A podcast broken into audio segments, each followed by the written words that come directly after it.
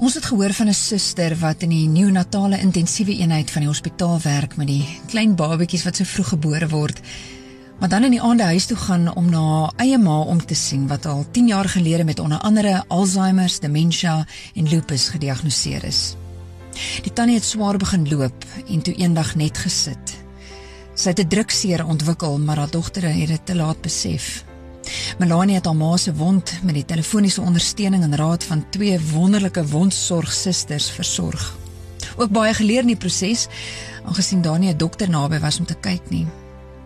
Haar ma het baie verswak tot waar sy heeltemal bedlend was met die gevolg dat ook haar heupe seer begin ontwikkel het. Melanie het gehoop om post-lockdown 'n beter matras vir haar ma te kan koop. Melanie werk langs skofte by die hospitaal en um, dan met haar pa wat maar klein gebou is na haar ma omsien, die wond in die kateter versorg, haar gereeld draai, pille gee, voer met 'n spuit en probeer oefeninge doen tot Melanie in die aand so ongeveer 8 uur by die huis kom. Melanie het besef haar ma se terminaal, maar sy het nie die fondse gehad om haar in 'n plek te laat opneem nie. Die tannie was konstant in pyn en ons wou toe kyk van Groot FM se kant af of ons nie vir haar verpleeghulp of 'n uh, versorger kon reël net vir daai dae wat Melanie skof te werk en veral elke tweede naweek wat wat lank raak. En toe is die tannie Sondagoggend vroeg oorlede.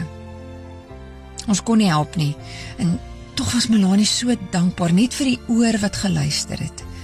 Ons het vir haar boodskap gestuur om te sê as ons kon sou ons vandag vir haar 'n bosie blomme wou bring, maar inperking maak dit onmoontlik.